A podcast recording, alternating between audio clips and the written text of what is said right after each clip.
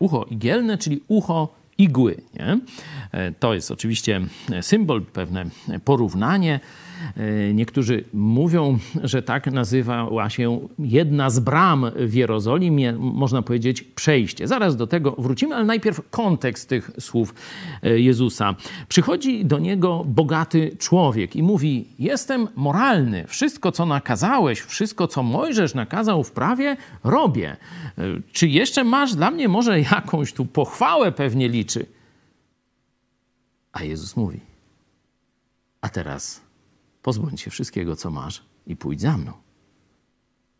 To nie jest rada dla wszystkich, czy, czy nakaz dla wszystkich, żeby nic nie mieć i pozbyć się wszystkiego. Ale ten człowiek przyszedł do Jezusa i chlubi się swoją moralnością. Jak gdyby był dobry przed Bogiem. No to Jezus mówi: testujemy. Pierwsze przykazanie. Nie masz niczego oprócz Boga w swoim życiu. Bóg na pierwszym miejscu i koniec. Mówi: no to jeśli Bóg na pierwszym miejscu w Twoim życiu, rozdaj wszystko i chodź za mną, za Bogiem. No to on odszedł strapiony. I wtedy Jezus mówi te słowa. To jest Mateusz 19:24. Łatwiej wielbłądowi przejść przez ucho igielne, niż bogatemu wejść do Królestwa Bożego.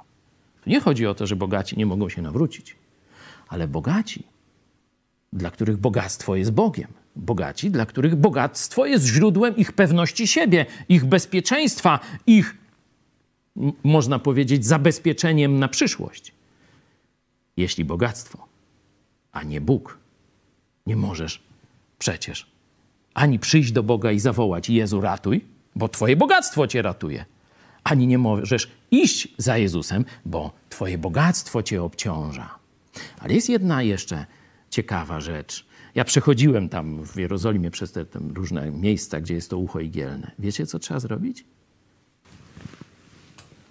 Trzeba mocno zgiąć kark przed Jezusem Chrystusem.